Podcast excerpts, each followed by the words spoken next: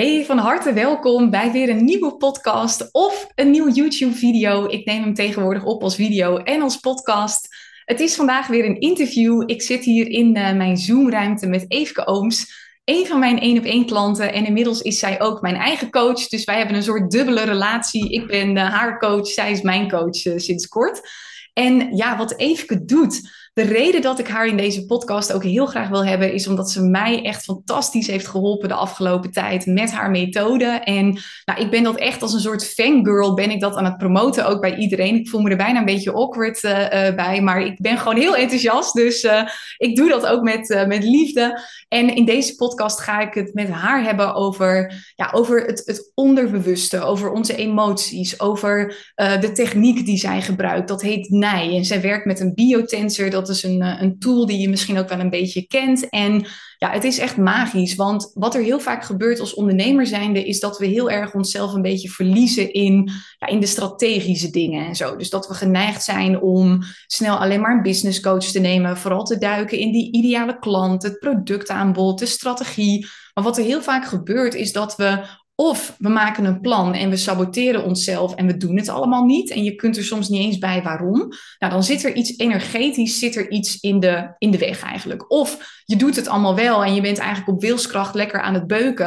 Maar er gebeurt gewoon helemaal niks. Je hebt het idee dat je aan een dood paard aan het trekken bent. Ook dat betekent vaak weer dat er iets energetisch in de war zit. En het, het, weet je, dat soort dingen kunnen zelfs resulteren in ook vage lichamelijke klachten.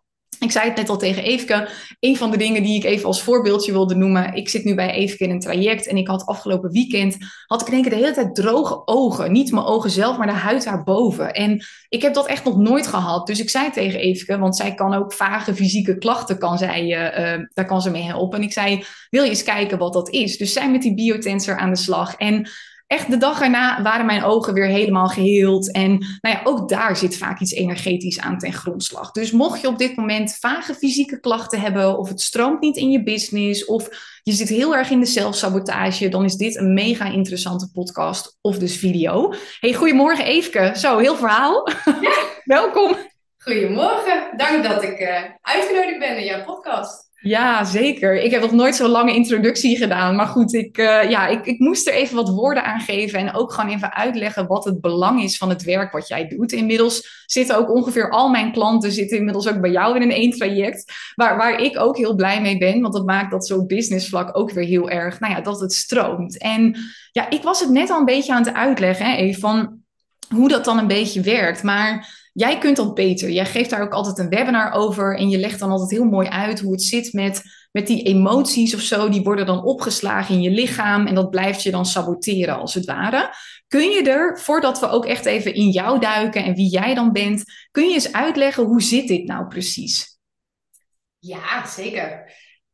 Um, nou, om te beginnen is het dan interessant om te weten dat je je bewuste brein hebt en je hebt je onderbewuste brein. En maar 5% van jouw handelen wordt bepaald vanuit jouw bewuste brein. Dus waar jij denkt dat je dus alles heel wel overwogen doet, uh, je keuzes heel goed afweegt, wordt eigenlijk maar 5% bepaald vanuit dat bewuste brein. En eigenlijk de rest, dus die 95% wordt bepaald vanuit dat onbewuste brein. En daar zitten dus al je vastgeroeste patronen, onverwerkte emoties, uh, uh, belemmerende overtuigingen over wat jij denkt dat je bent, wat je helemaal niet bent zitten daarin vast. En die zijn bepalend voor de handelingen of de acties die jij doet. Um, en nu vroeg je aan mij, hoe werkt dat dan? Dus hoe zetten de emotie zich nou vast? Nou, het is dus eigenlijk zo, om een emotie goed te kunnen verwerken, moeten die hersenhelften heel goed samenwerken. Dus je hebt je rechter hersenhelft en je hebt je linker hersenhelft. En je rechter hersenhelft staat voor voelen, even heel plat gezegd. En jouw linker staat voor weten, begrijpen en dus ook het kunnen verwerken als die twee goed samenwerken. Want dan voel je iets bij een bepaalde situatie, dan nou ja, kun je dat begrijpen of plaatsen en dan wordt het goed verwerkt in jouw systeem. Maar op het moment dat jij hebt geleerd om je gevoel weg te stoppen of om niet te willen voelen, dan blijven er wel emoties binnenkomen, maar die kun je niet begrijpen. En dan zet het zich eigenlijk vast in jouw systeem. Dus in jouw organen, uh, om precies te zijn. Dus dat is ook waarom ze zeggen, hè, Uh, wat heb je op je lever, of je galspuwen, een brok in je keel. Dus heel vaak denken mensen dat um, ze zomaar last hebben van darmklachten en dan gaan ze beter eten of dan gaan ze nou ja, op voeding letten, terwijl het werkelijke probleem eigenlijk onderhuids in emoties zit. Ja, dus dan gaan ze eigenlijk aan symptoombestrijding doen. Ja, ja. ja. En ik denk uiteindelijk, als we dit even extreem doortrekken, en ik vind het een beetje een riskante vraag, maar bijna alles dat ontstaat vanuit onverwerkte emoties. Dus zou je dan ook kunnen zeggen dat bijvoorbeeld zelfs dingen als kanker, hè, is dat vaak ook vanuit een onverwerkte emotie? Nou ja, wat ik claim is dat 9 van de 10 klachten, ziektepatronen, blokkades ontstaan door emotionele blokkades. Ja. Um, je hebt dan altijd extreme gevallen dat mensen zeggen, nou leg maar dan eens uit hoe dit kan of wat hier de reden van is. Um, maar een heel mooi voorbeeld was dat er een uh, ongeneeslijk zieke vrouw laatst bij mij in de praktijk was. Uh, zij kwam er in haar kraamtijd achter dat zij, um, nou ja, doordat de borstvoeding niet op gang kwam, een, een knobbeltje in haar borst had. En uh, nou ja, zij hoorde dus in haar kraamweek van, haar eerste kindje dat ze ongeneeslijk ziek bleek te zijn. Um, en nog maar een half jaar te leven zou hebben. En zij zei, ik voelde toen dat ik dit mezelf had aangedaan. En zij is vanaf dat moment eigenlijk helemaal de alternatieve hoek ingegaan. Uh, heel erg met zichzelf aan de slag gegaan. En zij is nu, ja, ze is toevallig net uh, drieënhalf jaar volgens mij. Um, en nou ja, schoon. Ze verklaren haar nooit beter. Maar waar ze haar eigenlijk maar een half jaar hadden gegeven, zit ze nu al drie jaar in haar bonustijd. Ja. En leg maar uit hoe dat kan dan. Bizar. Ik geloof dat ook hoor. Dat, kijk, er zijn altijd gevallen waarbij het nou ja, van iets anders komt bijvoorbeeld. Hè? Ik noemde net tegen jou bijvoorbeeld dat ik heb nu een beetje een rood ontstoken oog, maar ik heb echt keihard met mijn handen in mijn oog zitten wrijven omdat een van mijn nepwimpertjes ging irriteren, zeg maar. Weet je, dat soort dingen. Ik geloof altijd zelf dat dat ook nog kan, maar precies wat jij zegt, 9 van de 10 dingen, ja, dat heeft vaak een emotionele oorzaak. Ik had dat bijvoorbeeld vorig jaar. Ja, ik had gewoon al jaren eigenlijk steeds last van hoofdpijn, van migraine en op een gegeven moment met het emotionele stuk aan de slag gegaan. En ja, dat heeft toen een mega verschil gemaakt. En om daar nog eens op in te gaan, hè, want jij legt het al uit, je hebt je linker hersenhelft, je rechter hersenhelft, en nou, die werken dus heel vaak niet goed samen, waardoor zich iets vastzet in je lichaam.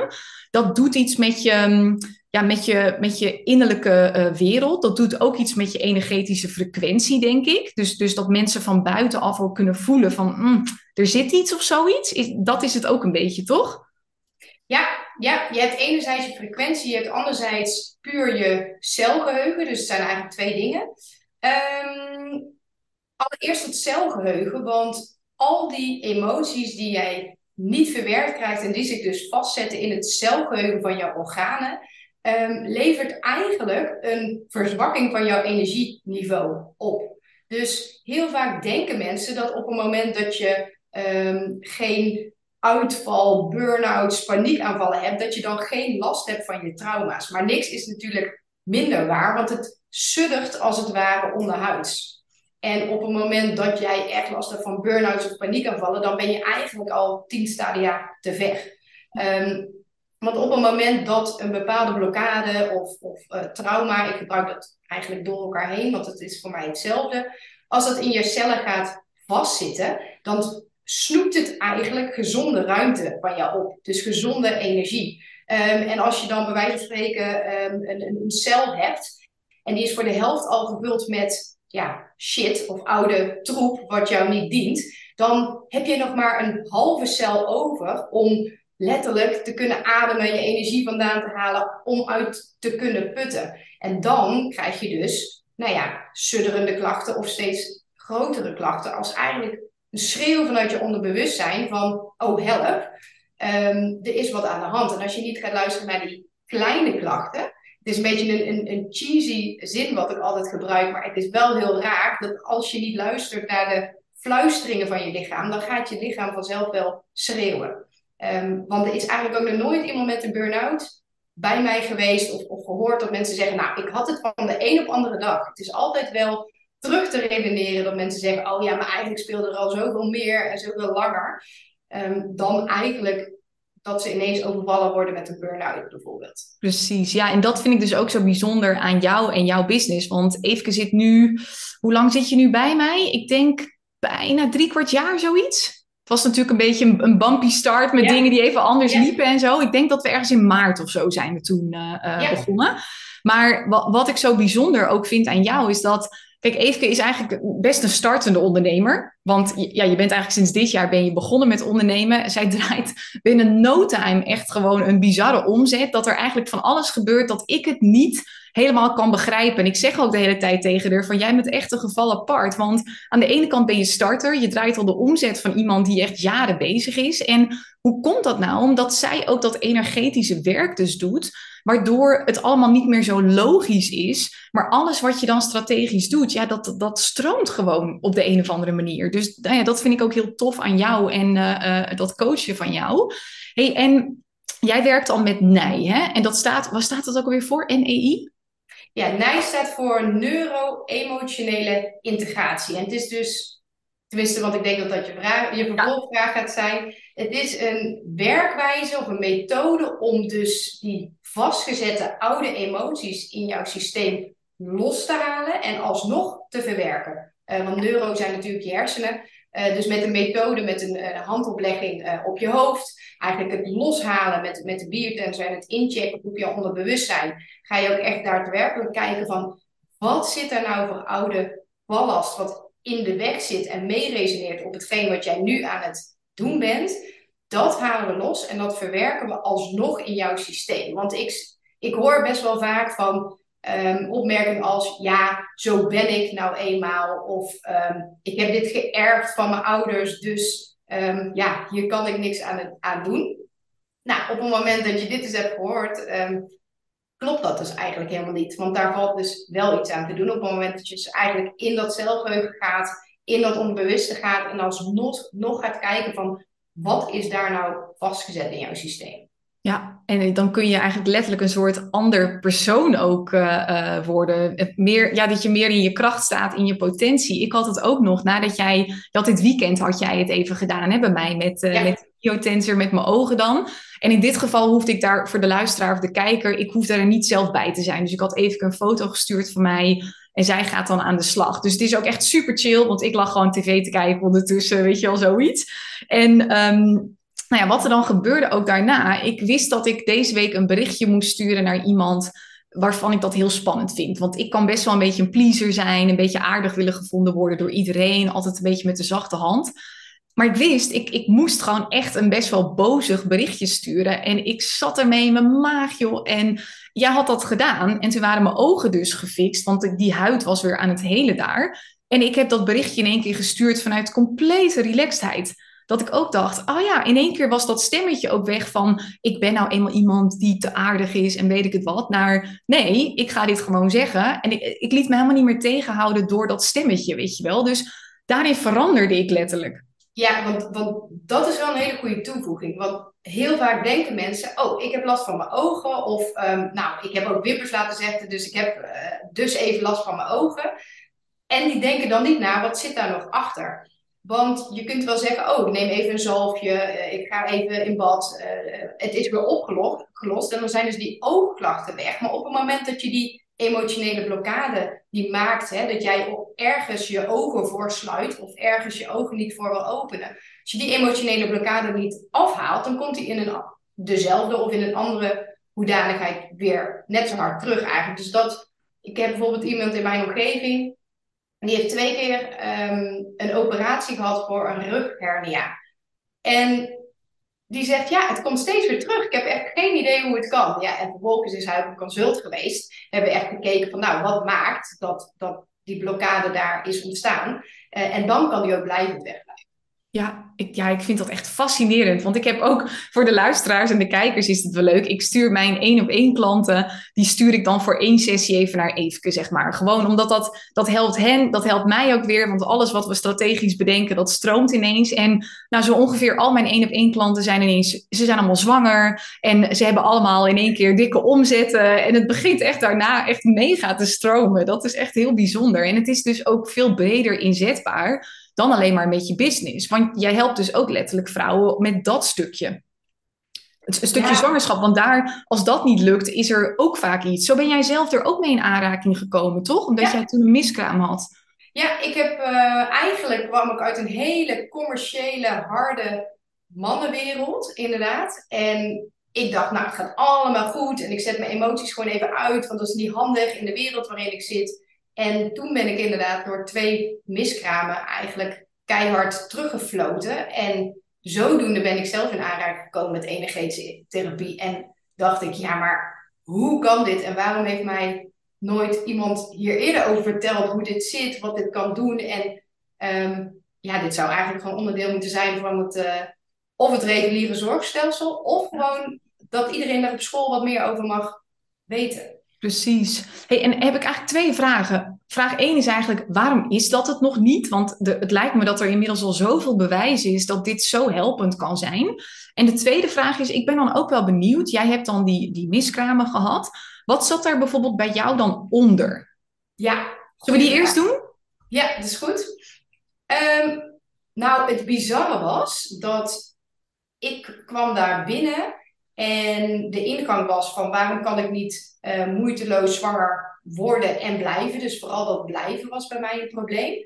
En het bleek helemaal terug te gaan naar mijn oma. Dus de moeder van mijn moeder. En dat is heel vaak, omdat, omdat je wel echt met een, nou ja, een cellulaire generatiebelasting te maken hebt. Want dat is wel even goed om, om een klein zijstapje te maken. Op het moment dat jij bepaalde emoties voelt die je niet kunt verwerken, die zet je vast in je systeem en die ruim je in je eigen leven niet op, dan kun je die dus doorgeven aan de volgende generatie. En dat werkt dus door naar jouw kinderen, maar dus ook de andere kant op naar jouw ouders en voorouders. Um, als in, als zij dingen niet verwerken, dan krijg jij daar last van. En mijn oma, uh, daar bleek het dus allemaal vandaan te komen. En dat, daar zit dus blijkbaar een heel groot geheim. Um, dat zij zwanger was uh, van een kindje wat zij niet wilde. En zij heeft zich toen een aantal keer van de trap gegooid om een miskraam op gang te krijgen. Dat is hoe het natuurlijk in die tijd nog ging. Um, dus had ik dus, en dat heeft ze natuurlijk nooit verwerkt, want in die tijd waren, de, nou ja, waren er minder middelen of minder openheid over die emoties. Dus ik had in mijn systeem zitten, op het moment dat ik een kindje in mijn buik heb, moet dat er zo snel mogelijk weer uit. Dus ik had een soort van zelfsaboterend systeem om zo'n kindje weer uit mijn lichaam te krijgen. En, en um, ik weet dat als jij dan werkt met die biotensor, en dat is trouwens voor de, voor de luisteraars, dat is een, een apparaatje. Ja, je moet het eigenlijk even googlen, want dan kun je het echt even zien. Of heb jij hem daar liggen? Ja, ik heb hem. Eh, ja, hij ligt Als je kijkt op YouTube, ja, hij gaat overal mee naartoe. Ja, als je op YouTube kijkt, zie je het. Het is een soort staafje van, hoe lang is hij? 60 centimeter of zo? Ja, 61. Ja, goed, 61 uh... met een soort uiteinde, met een rondje. En ja. die werkt is, hij gaat op en neer als je iets zegt wat klopt. Hij gaat heen en weer als je iets zegt wat niet klopt. Dus op het moment dat je begint, dan wordt mij ook altijd gevraagd, zeg even, ik ben Tineke. Nou, dan zeg ik, ik ben Tineke, dan gaat hij op en neer. En dan moet ik daarna bijvoorbeeld zeggen, ik ben Eveke, en dan gaat hij heen en weer. En, want je lichaam kan niet liegen. Dus hij pakt die frequentie als het ware uh, op. En wat je dan vervolgens doet, jij zei al, je komt met een ingang, dus je komt met een vraag. Wat bij jou was, waarom kan ik niet zwanger worden en blijven? En vervolgens ga je eigenlijk in gesprek met het lichaam aan de hand van die biotensor en kom je steeds dieper op de echte oorzaak. En jij hebt dan zo'n boekje waar je dan een soort van allemaal opties in hebt staan. Kwam toen bij jou in dat boekje, dat, daar stond toen letterlijk, je oma heeft um, zichzelf uh, proberen om een eigen miskraam op te wekken. Um, of heeft ze dat gezegd nog? Hoe werkt dat? Ja, die stap vinden inderdaad soms mensen, want die denken van nou, deze, deze uh, kan toch alleen maar ja en nee zeggen. En dat klopt. Eigenlijk is het de wisselwerking met uh, die biotensen is puur de vertaalslag vanuit je onderbewustzijn. Dus die kan uh, ja zeggen, die kan nee zeggen, maar het gaat vooral eigenlijk om het werkmodellenboek wat ik ook nog heb. Dus we pakken een bepaalde ingang, nou laten we die miskramen nemen. Um, en je hebt dan altijd een emotie op dit moment. Dus bij die miskramen heb ik toen iets, iets gevoeld. Ik weet niet meer wat, maar het zal iets in de trant van verdriet of, of gekwetstheid zijn geweest. En dan ga je vervolgens naar een tijdlijn. En dan ga je dus eigenlijk aan de hand van de biotensen zoeken waar in die tijdlijn is nou eerder een bepaalde emotie gevoeld die niet verwerkt is. En dan ga je al eigenlijk terug naar de allereerste keer dat je die emotie van de huidige situatie niet hebt kunnen verwerken. En die bleek dus niet in mijn eigen leven te zitten, maar die bleek in het uh, leven van mijn oma te zitten. En dan ga je eigenlijk naar een stuk voor generatiebelasting. En dan ga je inderdaad kijken naar de, naar de situatie. Dus daar heb je ook weer allemaal uh, modellen voor. Um, en dat kan toen uit op geheim in relatie tot, tot zwangerschap. Nou ja, dan, dan, um, dan ben je er al snel. Ja, precies. Heb je dat ooit nog met je eigen oma kunnen bespreken? Of was die al overleden nee, toen? Zij leeft niet meer. Ah, dat is, dat is wel jammer inderdaad, ja.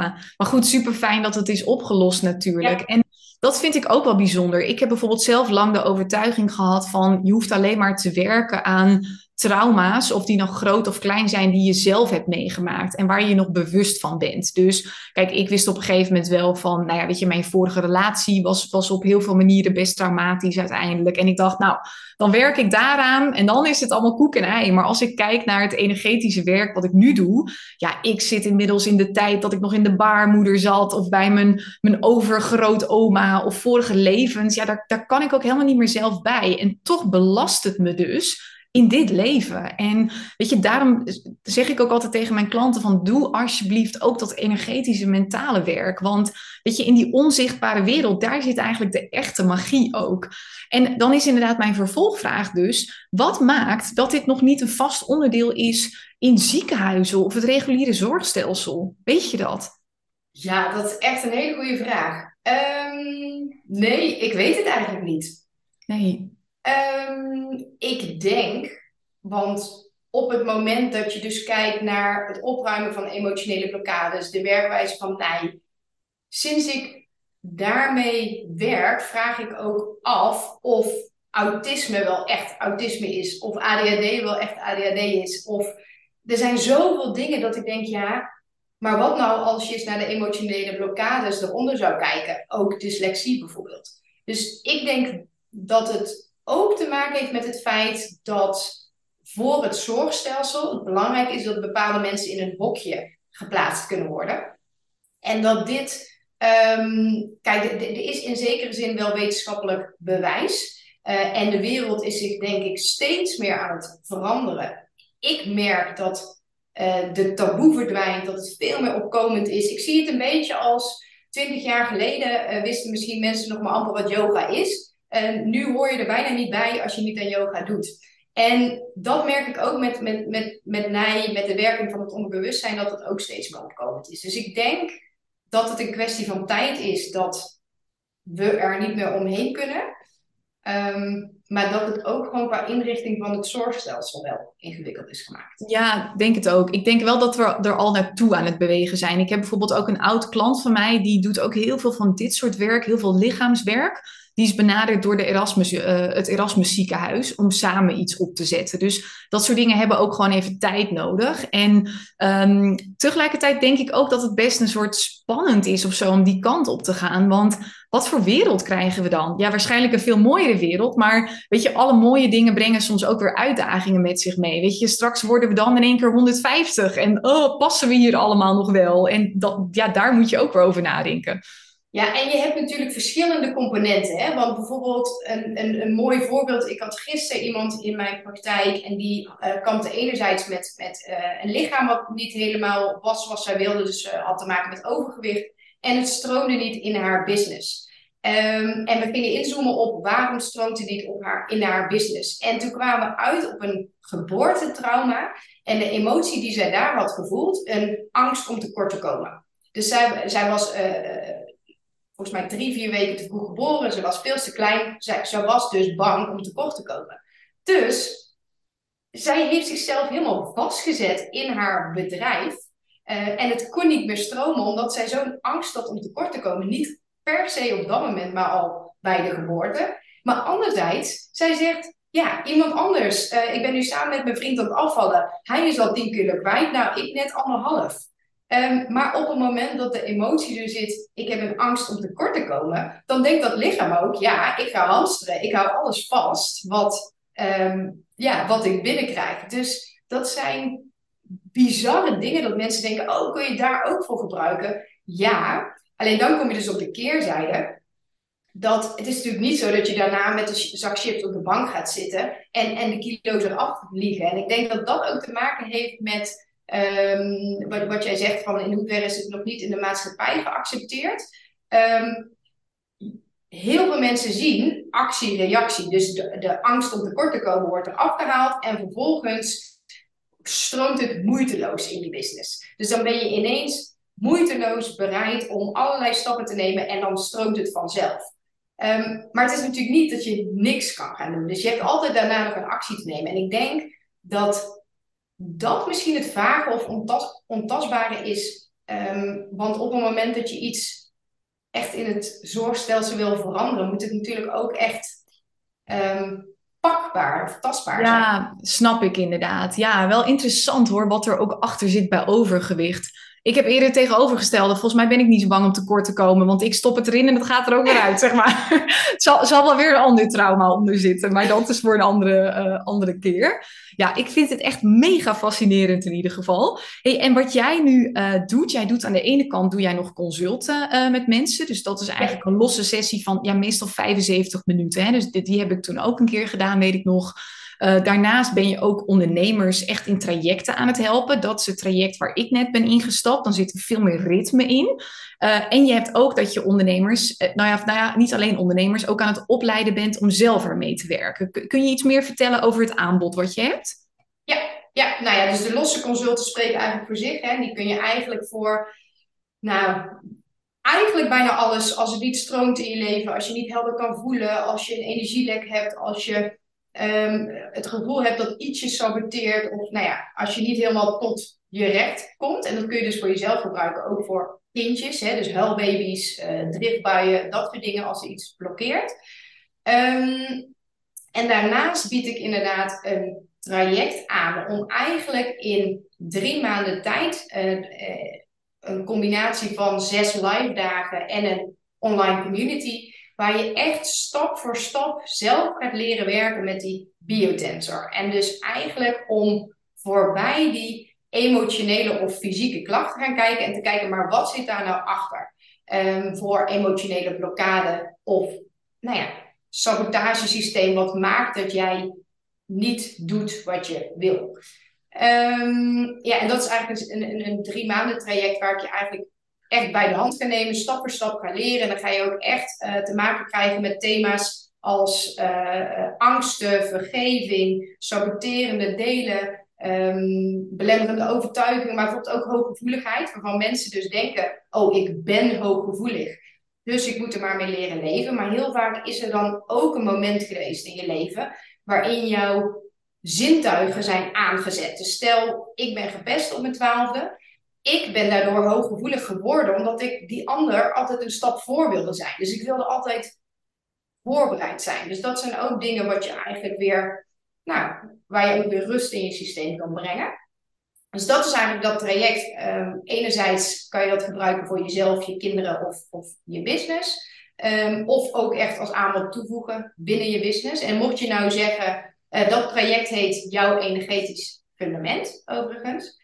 En mocht je nou denken, ja, ik vind het wel super interessant, maar ik heb niet de tijd of de energie om het helemaal zelf te leren, dan heb ik ook, inderdaad ook nog een ondernemerstraject, waar we echt één op één de diepte in gaan duiken en je echt drie uh, maanden lang gaat coachen, bij de hand gaan nemen om eigenlijk alle blokkades die je tegenkomt in je business, maar uh, soms ook daarbuiten aan te kunnen pakken. Om eigenlijk in plaats van ja, één losse sessie waar je een, een klein pleistertje gaat plakken, eigenlijk echt de diepte ingaat om daarna ook uh, de lucht in te schieten. Ja, mega interessant. Ik, ga, ja, ik ben een beetje de hele klantreis doorgegaan. Eerst een los consult. Nu ga ik dat traject doen, echt voor mij, waarin ik het gemak koop van dat jij het voor me doet. Ik denk dat ik het daarna, ja, ik wil er toch ook wel iets mee. Dat ik het zelf wil toevoegen of zo aan mijn aanbod. Maar goed, dat komt later ook wel. Hey, en wat ik ook nog even wilde bespreken. Um, is eigenlijk verschillende invalshoeken. Want ik krijg wel eens de vraag van mensen die me dan hebben horen vertellen over die biotensor van, maar ik zit hiermee, kan het dan ook bijvoorbeeld? En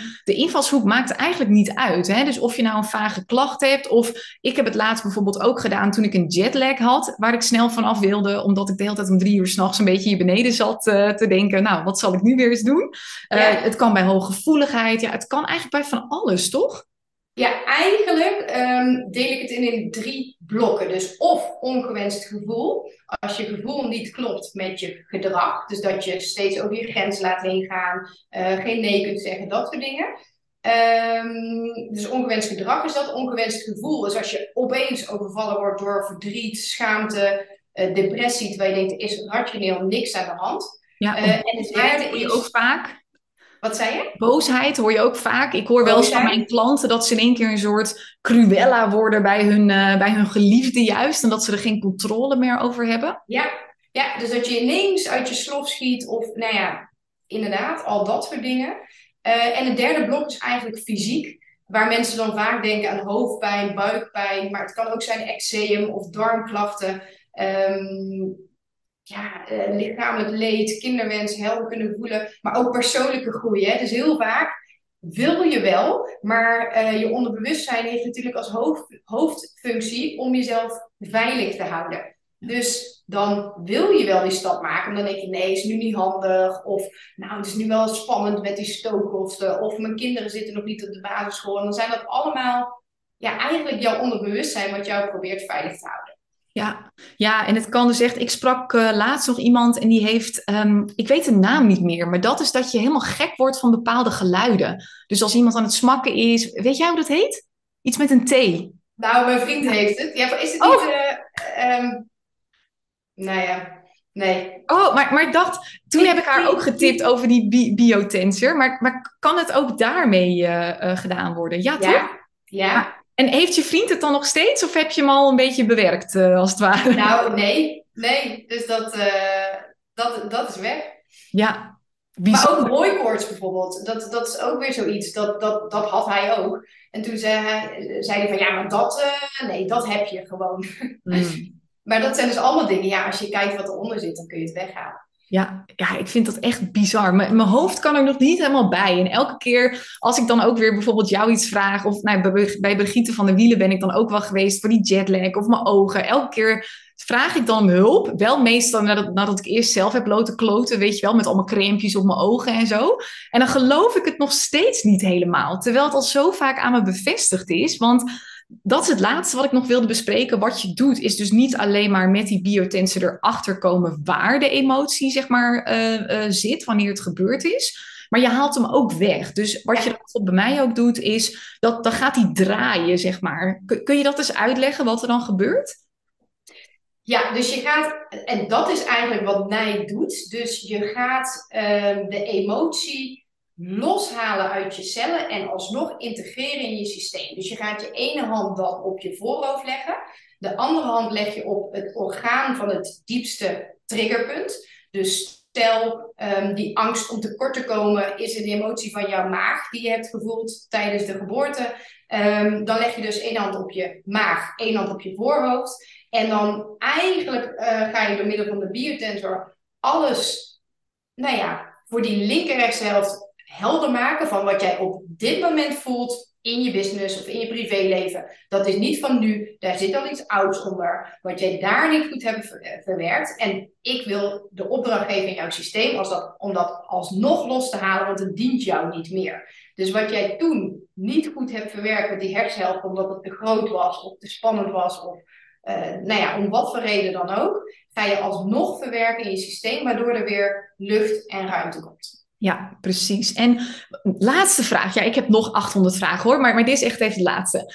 Wanneer is het nodig om uh, echt een afspraak te maken? En wanneer hoeft dat niet? Want ik heb bijvoorbeeld met die jetlag en met mijn ogen, toen hoefde ik geen afspraak. Hoefde ik alleen een foto te sturen en dan kun je zelf aan de slag. Maar in het traject maken we wel afspraken. Of is eigenlijk de afspraak een beetje voor de vorm?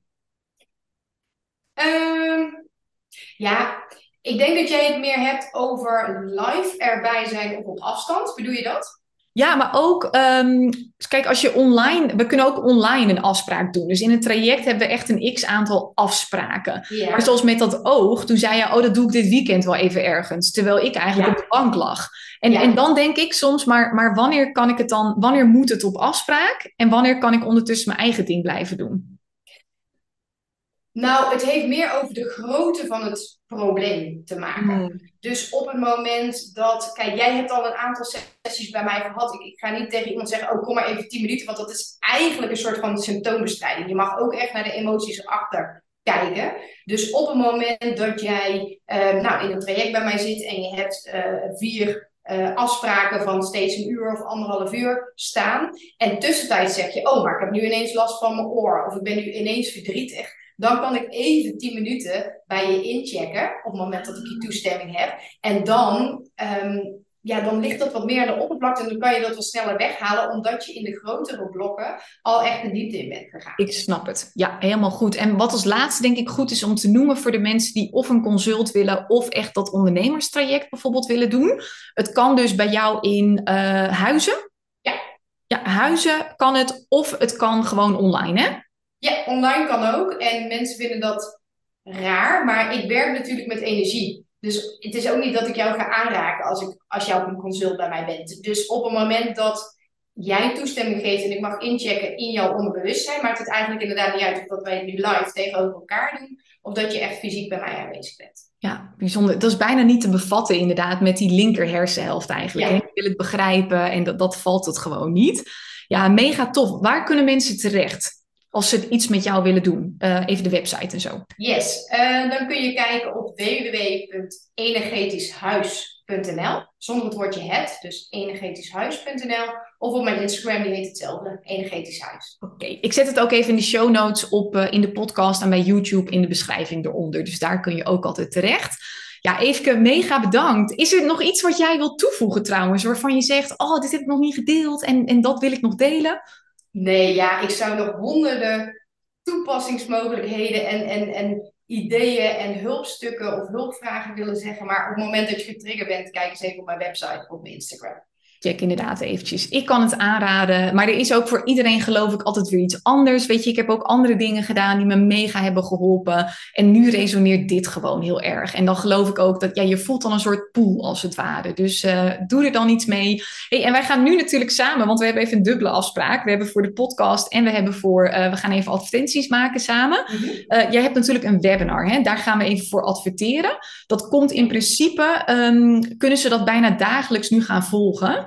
Um, zal ik die, die zet ik ook even in de show notes. Dat is, oh, dat is handig, toch?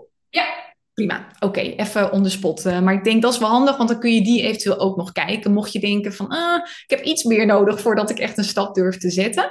Dus die zet ik er even bij. Hey, mega bedankt Eefke voor al je informatie, voor je tijd, voor je waarde. En voor de kijker en de luisteraar ook bedankt dat je bent gebleven. Ik hoop dat je er iets hebt, aan hebt gehad. En ik hoop vooral dat je het jezelf gunt om, uh, ja, om van al die rare klachten af te komen. Of ze nou fysiek zijn of mentaal, energetisch. Ik hoop dat je het jezelf gunt om nou ja, in dit stukje voor vertrouwen eigenlijk te kiezen. En jezelf de kans te gunnen om ermee aan de slag te gaan.